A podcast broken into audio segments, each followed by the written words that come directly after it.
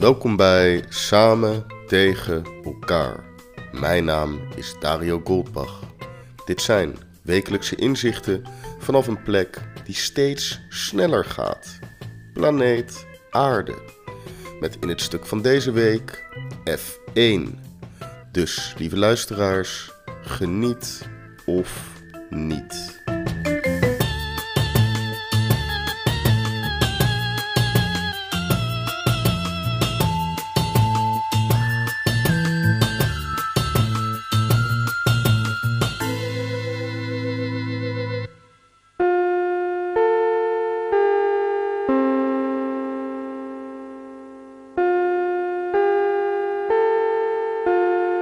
Het hoofdprogramma gaat reeds van start.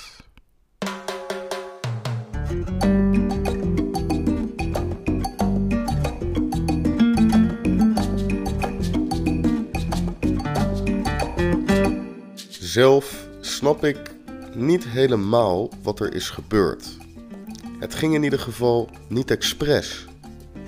Sinds de pandemie onze wereld in een hopeloze neerwaartse spiraal heeft gebracht, blijken heel veel dingen die je niet had verwacht opeens toch mogelijk. Zo ben ik, tegen alle verwachtingen in, opeens een Formule 1 fan? Nee, ik ben geen fan. Ik ben van niks fan. Ik vind het hele concept fan verschrikkelijk. Alsof je naar een band gaat en dan een bandshirt van die band aan hebt.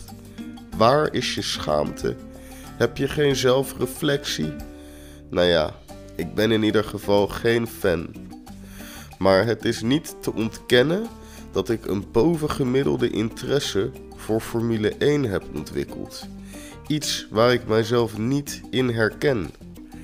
Ik ben werkzaam in de culturele sector. Ik schrijf. Ik vind alles wat op de radio gedraaid wordt kut. Ik ben links, anti-miljardair. Ik lees Tolstoy. Formule 1 is niet mijn identiteit. Maar toch zijn mijn zondagen opeens gepland rond de starttijd van de 20 snelste auto's ter wereld die rondjes gaan rijden. Waarom vind ik dit vet? Ik heb nooit iets met auto's gehad. Ik kan geen auto's herkennen op de weg en ik vind het geen prettige manier van verplaatsen.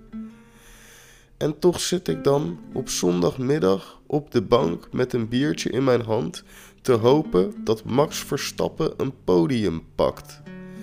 Max Verstappen, een man met het charisma van een koude, natte spons.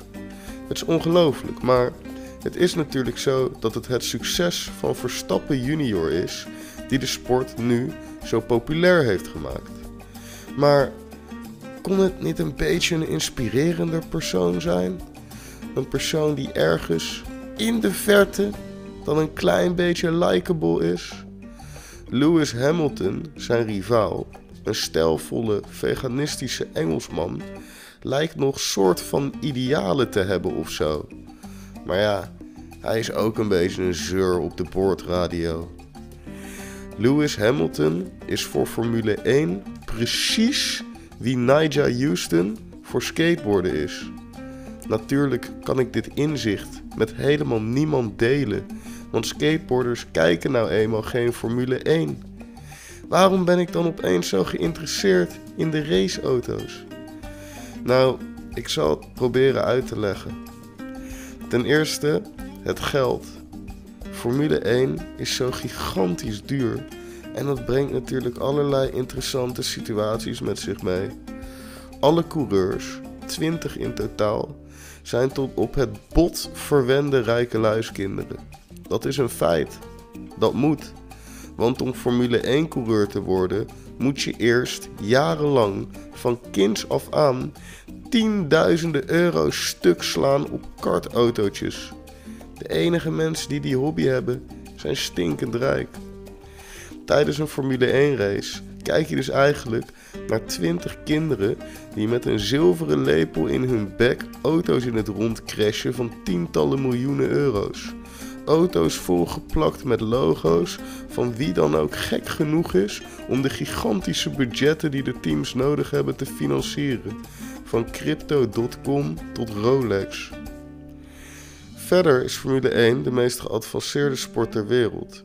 Achter de coureur staat een leger aan ingenieurs en strategen die de auto bouwen, innoveren op elk gebied en de gehele race via de radio in contact staan met de coureur.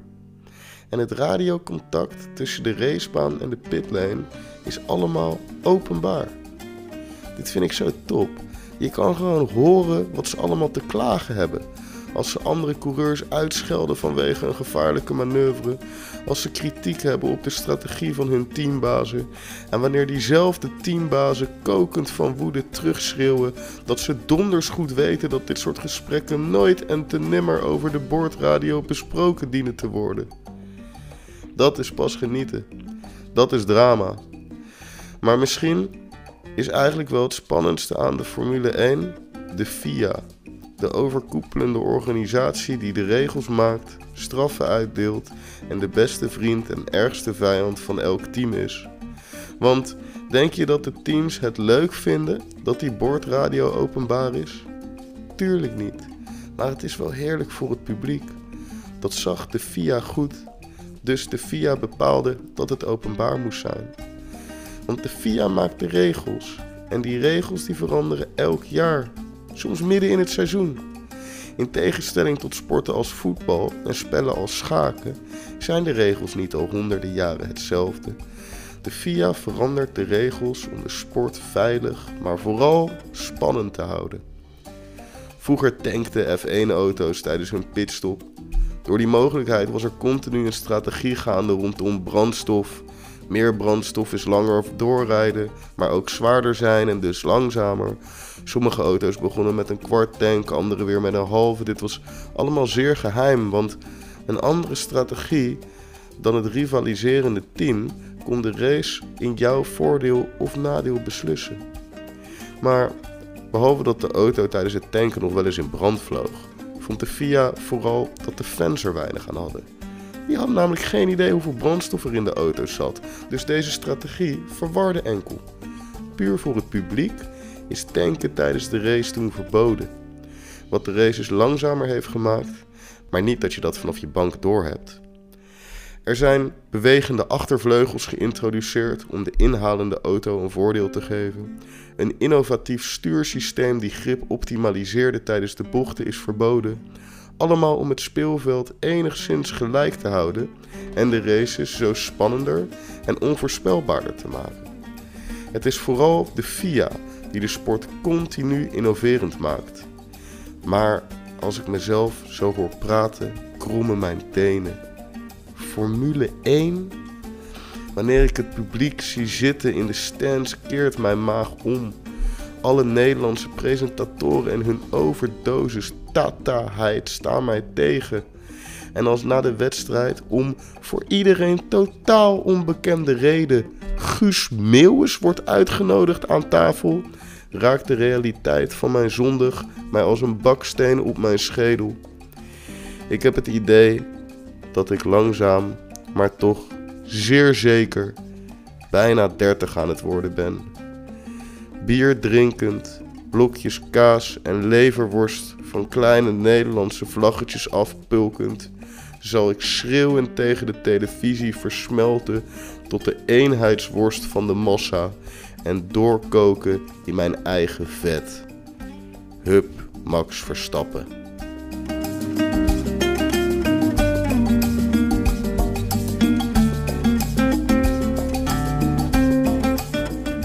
Bedankt voor het luisteren naar Samen tegen elkaar. Heeft u ook een haat-liefde relatie met Formule 1?